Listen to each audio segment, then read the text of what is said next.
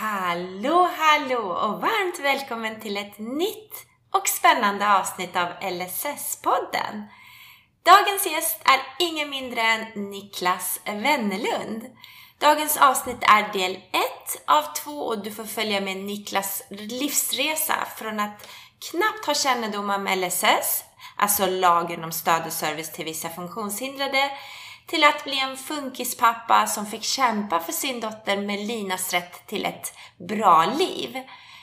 Och detta utvecklades senare till att Niklas, med Melina som inspiration, startade föreningen Bara Vanlig.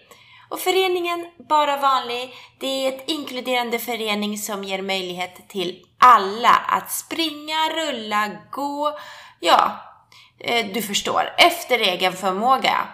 Det är helt enkelt en löpargrupp för alla. Ett väldigt spännande avsnitt som jag har valt att dela upp i två delar som sagt och jag kommer att länka kontaktuppgifter och annat i avsnittens beskrivning så att du som lyssnar kan lätt komma åt allt vi pratar om. Nu tycker jag att vi tar och kör igång med dagens spännande avsnitt. Hej och varmt välkommen! Mitt namn är Mariam Seigani och du lyssnar på ett avsnitt av LSS-podden Förenklat och lättbegripligt. Nu kör vi! Idag har jag med mig Niklas. Hej Niklas! Hej Mariam! Hej! Varmt välkommen! Tack för att jag fick komma. Verkligen en ära. Ja men kul att ha dig här. Vi har, vi har ju suttit och käkat lunch tillsammans precis innan LSS-poddens inspelning. Och eh, jag tror inte jag någonsin har skrattat så mycket på, på, på lunchen Niklas, så tack, tack för all skratt. Varsågod. Eh, vi ska strax prata lite om dig, men det vill jag säga så här snabbt i början att jag eh, den bilden av dig på sociala medier framkommer ju inte så tydligt att du är så himla rolig som du är. Ska fram, det, det vill jag gärna lyfta upp direkt att, att jag har nog inte skrattat så mycket som jag skrattat idag på länge. Vad härligt! så berätta lite Niklas, vem är du? Ja, vem är jag? Jag är en uh, funkispappa Eh, 1997 så föddes eh, Melina. Hon är nu 24 år. Har intellektuell funktionsnedsättning och eh, autism. Och jag har ju följt henne under hela den här resan. Det har ju varit en resa för mig. Både som pappa, som personlig assistent. Och de här båda rollerna har varit svårt att sära på. Men jag har också sett hur stödet har förändrats. Från att ha haft en fika med Försäkringskassan när man har gått igenom ett dygns behov hur omsorgsbehovet ser ut till att det krävs läkarintyg för allt. Och då menar jag allt. Från början så, så, så såg de liksom själva att personen skulle behöva stöd. Det, det är klockrent, det ser man. Personen har inget tal personen behöver hjälp, omvårdnad i all ADL. Det, det, det är så klockrent. Men det jag vill betona det är inte det är inte Försäkringskassans fel eller kommuners fel.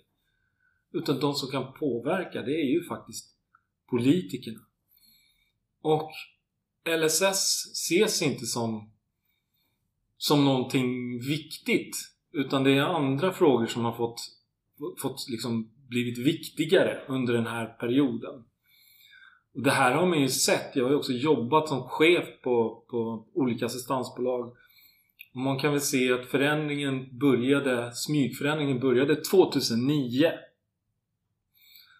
Och fram till nu, dags dato, så är det ju förjävligt. Och man kan väl säga att 2015, det var då den stora slakten börja inom, inom LSS.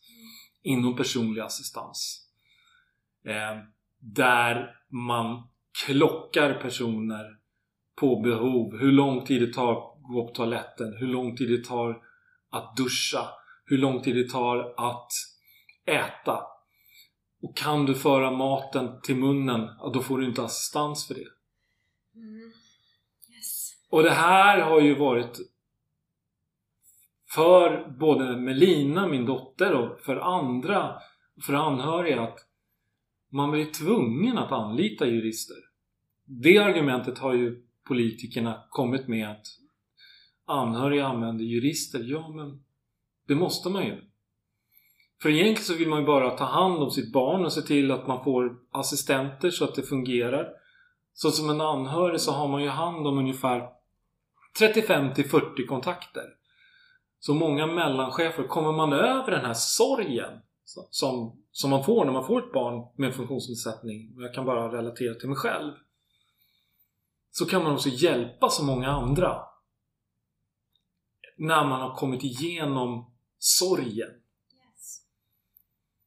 Så att samhället borde se funkisföräldrar som en enorm tillgång och inte som en bristande resurs. Jag pratar väldigt mycket Nej men det är väl jättebra för det är exakt den anledningen till att jag har startat den här podden. För att jag ser ju att någonting som borde vara väldigt självklart att få hjälp av måste man ha så mycket kunskap i för att få hjälp. Så att det blir på något sätt lite bakvänt. Att det, det är en självklarhet att jag eh, behöver hjälp med att äta men att sen behöva klockor och veta exakt vilka moment det handlar om och så vidare.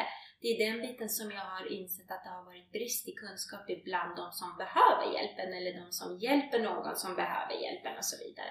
Så jag håller fullständigt med dig och det är bara bra att du pratar på för att det är mycket intressant, väldigt intressant.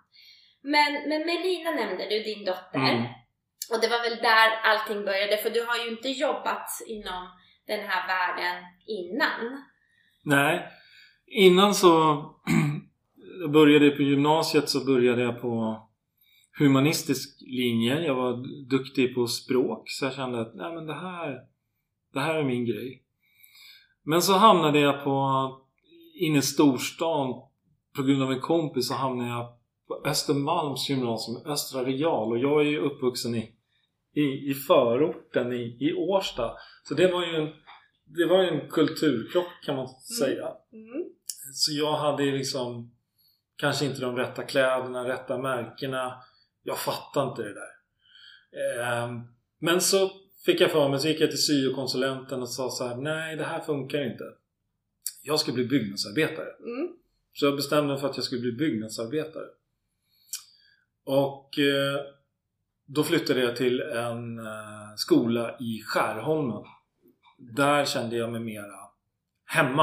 Ja. Det var lite tuffare klimat, det var tuffare jargong. Jag passade in där och vi började på bygge men Alltså när jag var ung så var jag, hade jag inte så hög arbetsmoral. Jag tog många sovmorgnar. Eh, jag var nog ingen bra anställd. Nej. Om man säger så. Mm. Eh, Så att jag blev eh, massuppsägningen där på 90-talet bland bygg, byggkrisen då. När Mm. räntan gick upp och det. Då blev det så att eh, jag blev permitterad. Jaha.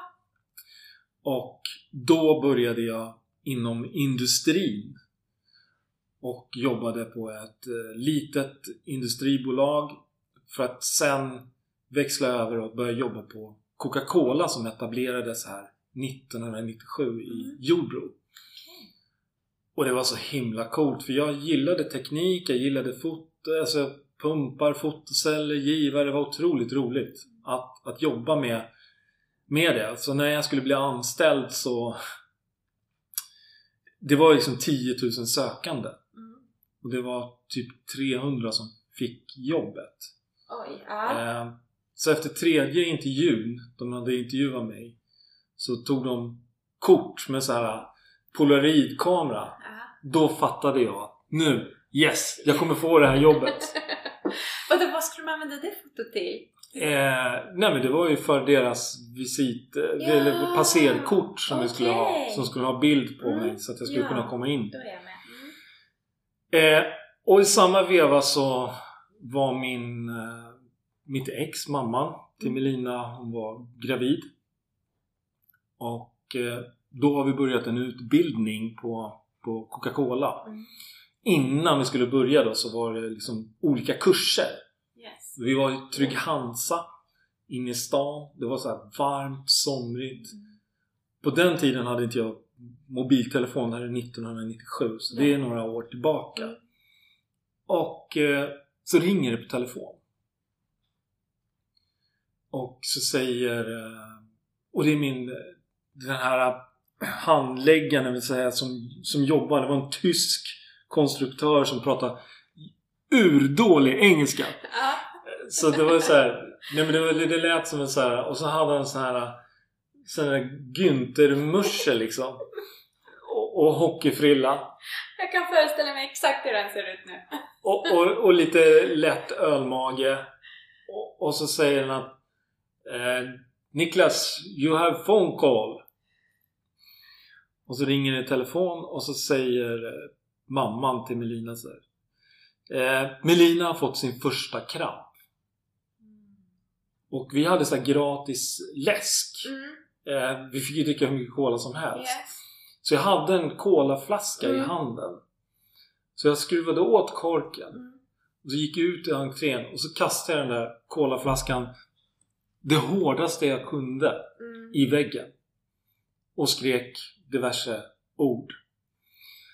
Var det, Eh. vad var det för känsla då? Var det frustration eller var det ilska eller var det rädsla? Det var rädsla. Det var rädsla. Mm. Och min blivande chef märker det där Mm. och frågar vad det är som hänt. Och han säger till mig, han ger mig taxipengar. Mm. Så jag åker direkt till, till Huddinge sjukhus. Mm. Och så det känns som att dörrar, så här skjutdörrar. Mm. Så jag springer igenom de här dörrarna. Det känns som att jag aldrig kommer fram. Yeah. Och till slut så kommer jag fram. Och då är det liksom tio vita rockar som är omringade en liten tre månaders Mm. bebis. För mig såg det ut som hon lekte och jollrade men det var så här synkroniserade rörelser som hon gjorde. Det var hennes första epilepsikramp. Mm. Den varade i 15 minuter. Mm. Jag ville bara flytta på de där jävla läkarna. Yes. Ta henne i famnen och springa så långt jag bara kunde. Men jag gjorde inte det. Jag stod där som en förstenad staty. Och så frågade jag personalen Hur, hur, hur känns det för dig? Och då hade jag min machoattityd. Äh, det är inget, det är inte så farligt. Men jag mådde riktigt, riktigt dåligt. Men jag Mm. vågade inte erkänna det för mig själv. Och då var du 20... Sex. 26 år. Yes. Mm. Och sen började det då. Eh, du har ju berättat för mig att du eh, hade svårt att ta till dig det här och höll dig lite grann undan familjelivet och koncentrerade dig på arbetet istället. Ja, jag var den perfekta medarbetaren på Coca-Cola. Ja. Jag tog alla övertidspass jag kunde Mm. ta. Mm. Det var ju ett sätt att fly. Ja. Att inte erkänna för mig att jag fått ett barn med, Mm. med vet du, funktionsvariation, funktionsnedsättning. Och när hon var tre månader gammal så visste man ju inte vilken dignitet det skulle bli på funktionsnedsättning.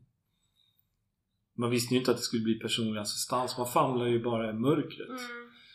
Sen ringde ju habiliteringen. Det är någon, det är någon stöttande organisation som, som hjälper barn och ungdomar och föräldrar. Mm. De ringde en gång och frågade Behöver du samtalsstöd?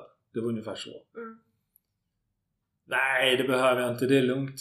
Men det behövde jag ju. Då hade de liksom tjatat på mig, kanske ringt tre, fyra gånger. Det kanske inte finns de resurserna. Så hade jag inte kanske behövt bearbeta sorgen själv. Som många föräldrar gör tror jag. Mm. Att man får bearbeta det själv. Det som har givit mig mest det är att ha pratat med andra föräldrar som har varit i liknande situation innan. Det gav mig mer energi än att lyssna på en, en socionom som har erfarenhet av att prata med människor men kanske inte har levt det livet på riktigt.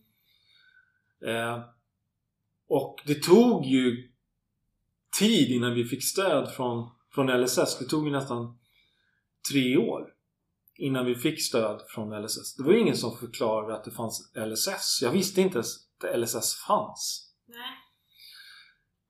Och när vi väl fick det beskedet då hade det gått så pass långt att vi var så vi var så från varandra. Jag jobbade så mycket med alltså slöt mig som en mussla så att säga och jobbade.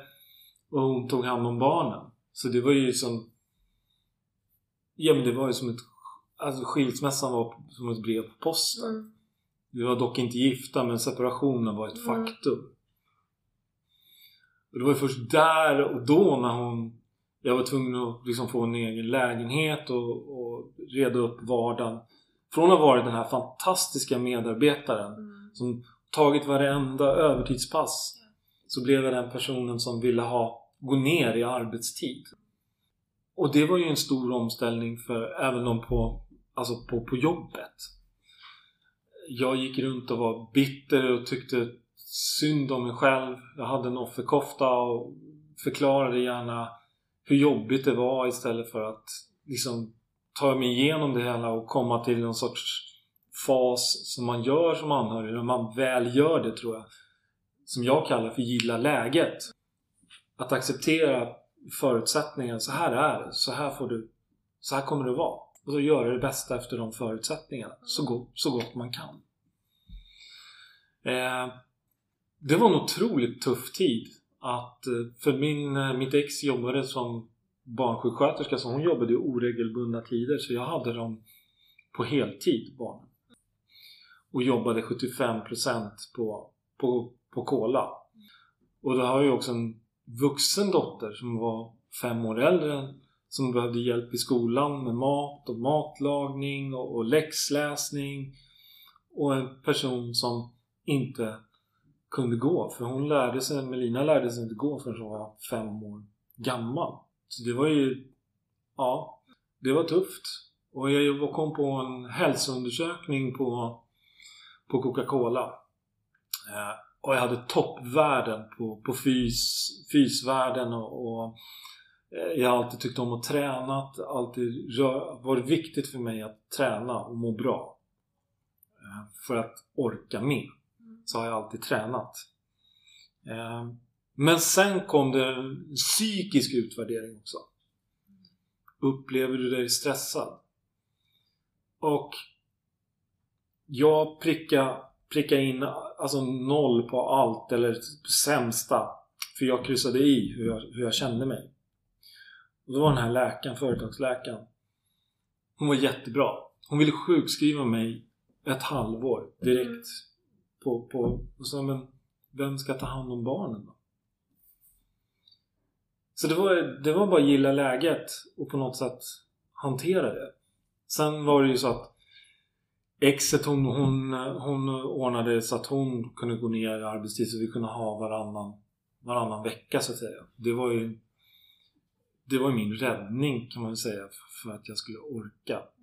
Eh, men sen har jag gjort alla, alla misstag. Jag har varit inte den där närvarande pappan. Men det beror ju på att jag själv inte har haft någon närvarande pappa själv. Mm. Så jag hamnar i samma mönster som, som jag är van vid. Mm. Men sen så lovade jag mig själv att jag ska aldrig bli som min egna, mina egna föräldrar. Utan jag, jag ska ta ansvar. Så där och då så kände jag att nej men, eh, efter ett tag så kände jag att jag hade jobbat på Kola ganska länge. Jobbat fackligt. Jag har alltid haft ett starkt rättspatos att det ska vara rättvist. Det ska vara rättvist för alla. Därav att jag började jobba fackligt. Att jag tycker att det ska vara rättvist fördelat. Men jag har också insett nu när jag är äldre att men allt kan inte vara rättvist fördelat. Men där och då så hade jag den här glöden att jag skulle förändra hela, hela världen. Jag har fortfarande den, den drömmen, visionen att jag vill förändra världen till någonting bättre. Mm.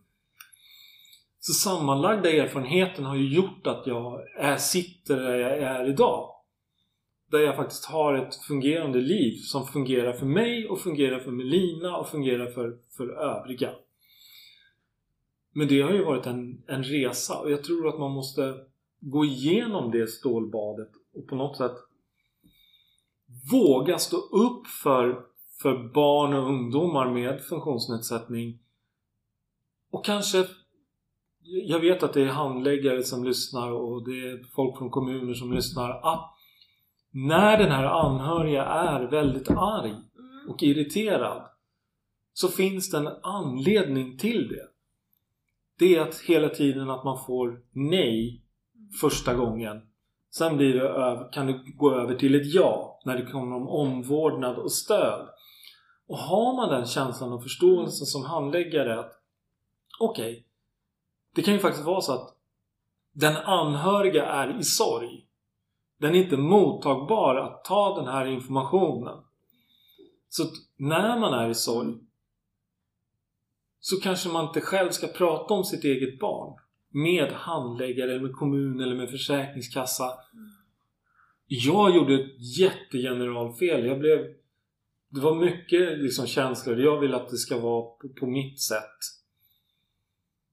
Använd det då av ett personligt ombud som kanske inte har samma känslomässiga koppling. som mycket, har distans lite Som har grann distans till, till ja. det. Men däremot så, en sak som du sa som är så himla spännande att höra. För att jag hade en, en anhörig som jag hjälpte för att få, få hjälp då inom assistansen som fick ett nej. Och för henne var det så viktigt att få det här nejet på ett bra sätt. Mm. Det, det, var det som var, de har inte hört mig. Det är inte nejet som är problemet, det är att de inte har hört vad det är för någonting. Ja. Så att den känslan som man behöver nästan när man är i kontakt med myndigheter och så vidare. Det, det, man kan ju få höra samma svar men på ett bättre sätt och tycka att det är okej. Okay. Ja, det handlar ju lite om hur man lägger upp yeah. budskapet. Men jag tror också att när man har bittra anhöriga, för vi kan verkligen vara bittra. Men det finns en fasad bakom den här bittra personen som kanske vill bara man får det här kanske extra samtalet eller ett samtal till så kan den här personen mjukna. Vilket gör att man kanske kan komma till någon sorts kompromiss. Så det är någonting som jag tycker att handläggare de på Försäkringskassan ska tänka efter i bemötande och kommunikation. Och sen är det ju så att alla kan ju inte tala för sig. Det finns ju många som kanske inte har svenska som huvudspråk. Som har svårt att uttrycka sig. Då är det inte så konstigt att man har med sig ett ombud som, mm. som pratar bra, bra svenska. Och i min värld så tror jag att alla faktiskt vill någonting gott. Även handläggare och kommuner vill någonting gott. Men ibland så är ramarna blivit så snäva så det går inte att fritolka längre. Yes. Det tror jag är det stora problemet med, med LSS. Mm. Och både personlig assistans och gruppboenden och, och så. Mm. Eh, men jag tror ju att man kan förändra. Jag tror definitivt att man kan förändra. I syvende och sist så handlar det om mänskliga rättigheter för barn och ungdomar och vuxna med funktionsnedsättning. Vilket samhälle i Sverige vill vi ha? Vilket samhälle vill vi ha? Vill vi ha där vi tar emot varandra med öppen hand? Eller vill vi titta snett på varandra? Det, det är lite där vi är idag. Och att inte värdera fritid för, för barn och ungdomar och vuxna med funktionsnedsättning att de inte har samma rätt att gå på bio och träffa sina kompisar eller hångla med och få göra misstag. Gå ut med eh, Ja men om man har personlig assistans och då som anhörig att Ja men kanske blir för full på en fest. Men det har jag också blivit. De måste få göra samma misstag som jag har gjort. Nu tror jag inte Melina kommer göra det för hon har inte den är inte på den nivån. Men jag tror att någonstans måste man liksom se det mänskliga. Se människan bakom funktionsnedsättningen. För det är människor. Det är inte bara kostnader. De kan faktiskt bidra till samhället om man bara hittar rätt förutsättningar. Men samhället går så fruktan, fruktan, fruktansvärt snabbt. Mm. Vilket gör att det, det, de passar inte riktigt in. De ska passa in i samhället men de, det är som att trycka en fyrkant i en cirkel. Mm, exakt. Och det är det vi ska hitta. Och, och, du pratade ju om fritid och så vidare för det är ju en extremt spännande avsnitt av ditt liv som vi ska alldeles strax prata om. Om hur du startade faktiskt någonting som förändrade för, för väldigt många. Men jag vill bara ställa en fråga till dig. Eh, ponera att det sitter just nu en pappa, nybliven pappa eller mamma och lyssnar på det här. Eh, och har precis fått reda på att man har eh, fått eh, ett barn med funktionsvariation. Du har ju gjort den resan, du är flera år framåt nu före dem. Ge dem tips, ge dem råd. Vad tycker du? Vad känner du? Är det, är det bara så att man måste gå igenom den resan som du sa? Eller kan du ha gjort någonting bättre med den kunskapen du har idag? Definitivt så finns det ju saker som man kan göra. Framförallt så måste man ju kanske prata med, med sina närmaste och med sina vänner och våga prata om det. Mm. Och inte skämmas. Utan faktiskt våga prata om det. Och våga ta hjälp. Våga ta hjälp från andra personer. Hör av dig med föräldranätverk som kanske, som kanske har såna här rutinerade rävar som, som, har, som har 25 års erfarenhet av funktionsnedsättning. Ta hjälp av habiliteringen. Mm. Var, var påstridig, ring själv. Mm. Det finns garanterat bra personer på, på habiliteringen som kan slussa dig vidare.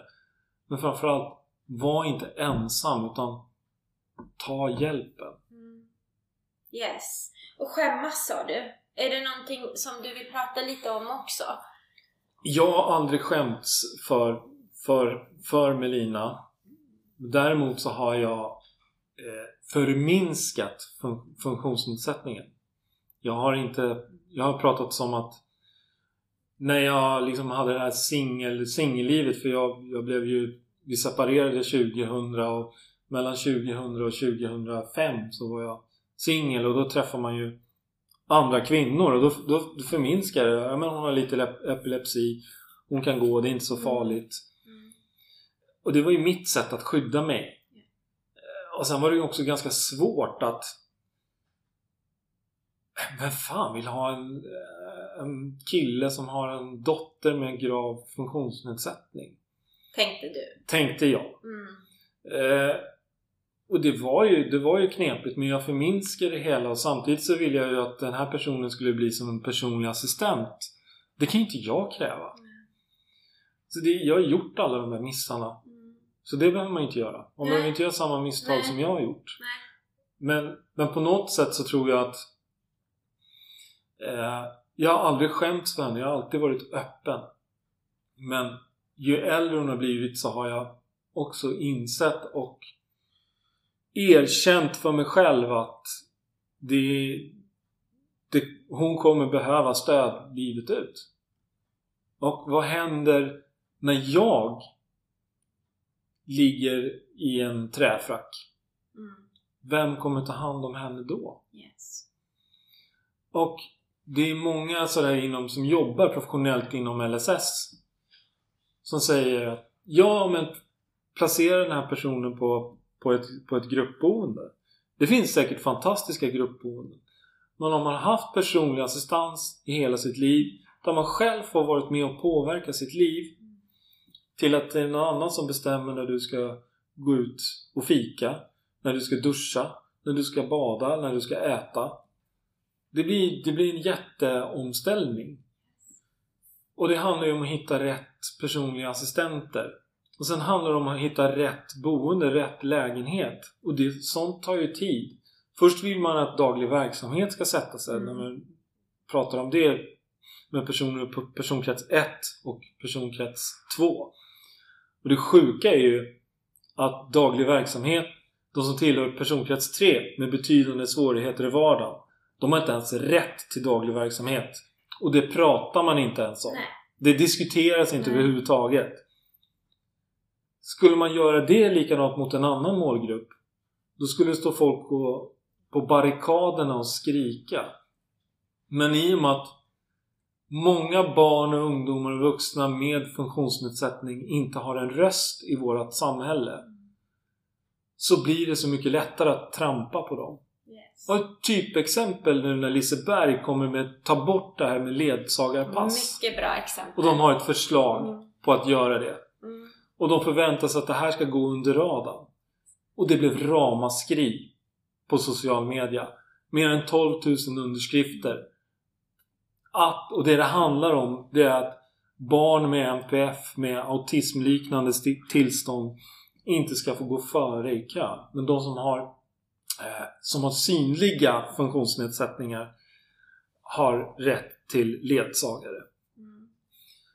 Men många med NPF har just den problematiken att de klarar inte av att köa. Mm. Ska de få raseriutbrott där i kön det drabbar både de i kön det drabbar framförallt den enskilde och den kommer aldrig mer vilja gå på Mm. tivoli ever. Det förstör ju upplevelsen av nöjet. Ja, När man behöver utsättas för det här. ja. Men, men för att eh, alla lyssnarna ska vara... Vi försöker ju hålla det här supersimpelt så nu bara går vi igenom NPF. Nev- det är svårt att säga. Det är ett svårt ord för mig. Neuropsykiatrisk funktionsnedsättning. Yes. Och sen pratade vi om personlig assistans och boende och skillnaden egentligen är personlig assistans så har du hjälp av assistenter i ditt hem och i ett gruppboende så bor du tillsammans med andra så har du personal som jobbar där. Så det är därför Niklas pratar om att man kan välja mer hur ens liv ska se ut när man har personliga assistenter. Man väljer sin egen personal och vad man vill göra och så vidare. Vissa ramar där också, men, men ändå. Vad pratade vi mer om? DV, daglig verksamhet. Och Mm. det är ungefär som ett arbete då, Mm. man, man tar sig till aktiviteter på dagen. Toppen!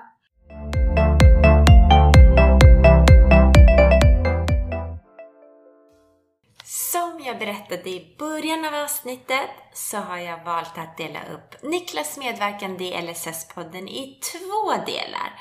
Så fortsättningen på denna spännande och lärorika berättelse fortsätter i nästa avsnitt. Och tack ännu en gång till Niklas som väljer att dela med sig av sin historia. Och tack till dig som har lyssnat. Ta väl hand om dig och vi hörs snart igen.